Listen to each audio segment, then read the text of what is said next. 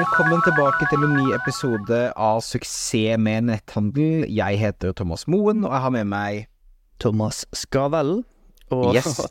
i denne episoden så skal vi gå gjennom litt sånn lover og regler, tenker jeg, som er i endring. Eh, Det er, det er mye ting som kommer fra denne fantastiske EU-siden, som vi er med i og ikke med i. Så, men vi må tilpasse oss eh, akkurat sånn som alle andre. Og eh, nå gjelder det å tilpasse seg og følge godt med, fordi at eh, disse endringene her kan påvirke deg.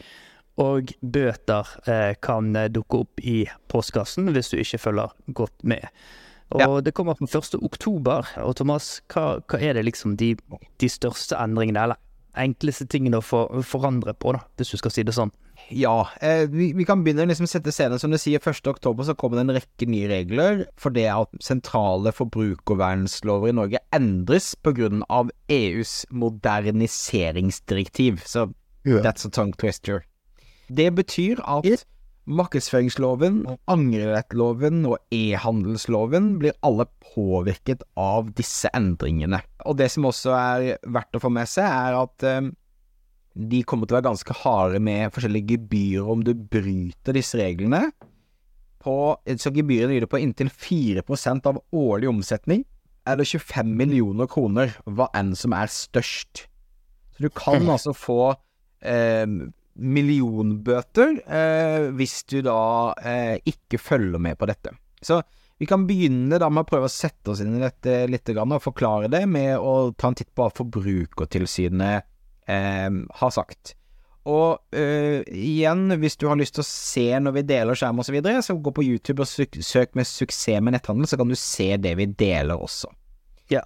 Og så har vi Um, link til eh, begge disse to artiklene som vi går gjennom nå, i shownotes, så du finner under i podkasten, eller selvfølgelig òg på YouTube-kanalen. Helt klart. I forhold til hva som er relevant eh, for oss, så har det skjedd en del endringer både i forhold til hvordan du kan prise ting, og også i forhold til brukeromtaler. Vi ser jo en stor trend av at sånne såkalte UGC-videoer, user generated content, det er noe som brukes oftere og oftere.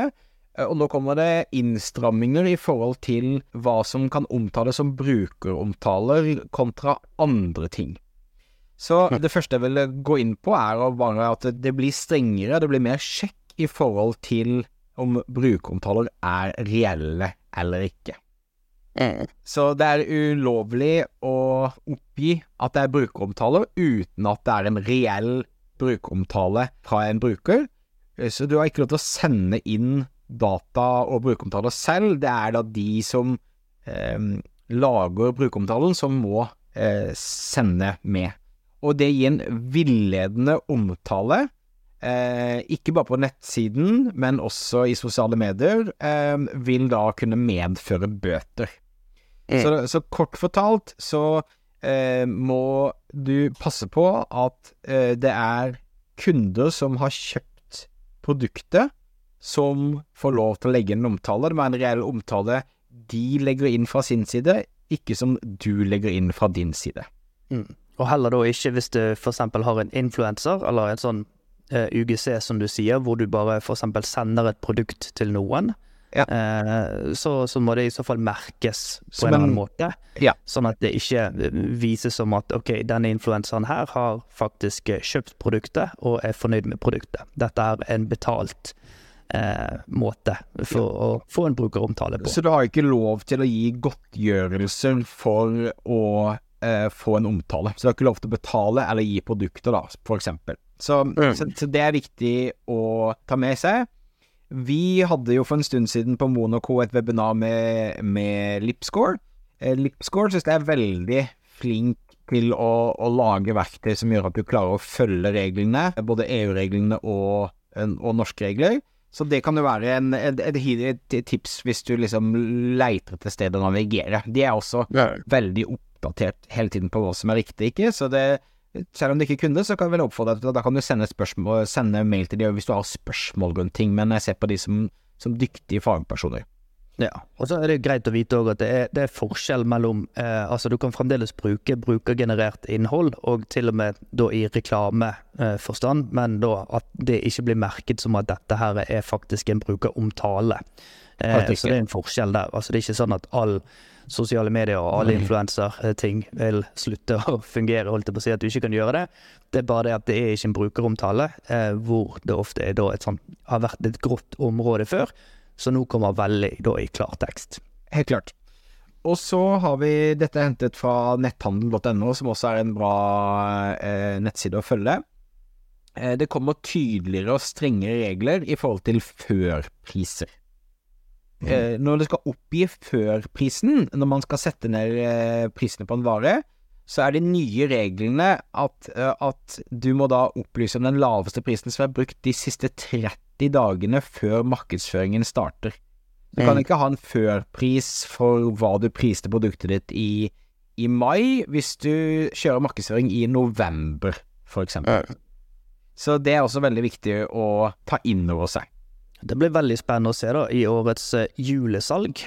For der har jo det vært veldig mye spennende ting, i hvert fall fra elektronikkbransjen, som ja. ofte blir tatt opp på fersken og, og, kommer ut i avisene med dette. Uh, som da i dette tilfellet vil da by på bøter, som da gjerne før har blitt en sånn liten sånn kjennepreken på bakrommet, har nå da vil da bli bøter og dagsbøter og det ene og det andre hvis du blir tatt på dette her.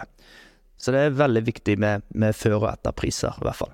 Yes. Så, og vi kommer til å, linke til eh, begge disse sakene i, i shownotes, men det, liksom det, viktigste du må få med deg, er at eh, hvis du ikke er helt opplest på markedsføringsloven, e-handelsloven, personvernloven osv., så, videre, så anbefaler jeg deg da å ta en liten refresher, sånn at du da er eh, opplest på hva som er reelt og ikke for, en, for forbrukerne sine beste, men også fordi at du har mye større økonomiske konsekvenser eh, å bli busta på noe eh, shady i disse dager.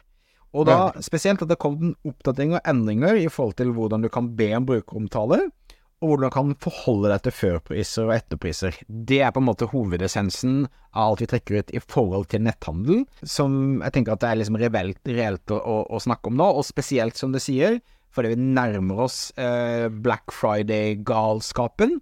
Det kommer til å være mange som kommer til å prøve å eh, være kreative med å tolke loven, og det har aldri vært noe god idé, men det kan også være en veldig dyr affære mm. hvis du gjør det nå i tiden framover. Mm. Absolutt. Nei, men Jeg tror det er en eh, god oppsummering. jeg. Eh, så ta og Gå inn på disse to ressursene som vi linker, og eh, les deg opp på de.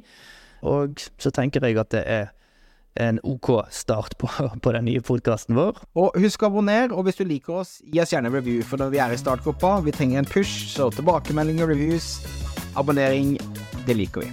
Ok, vi snakkes neste uke. Ha det fint.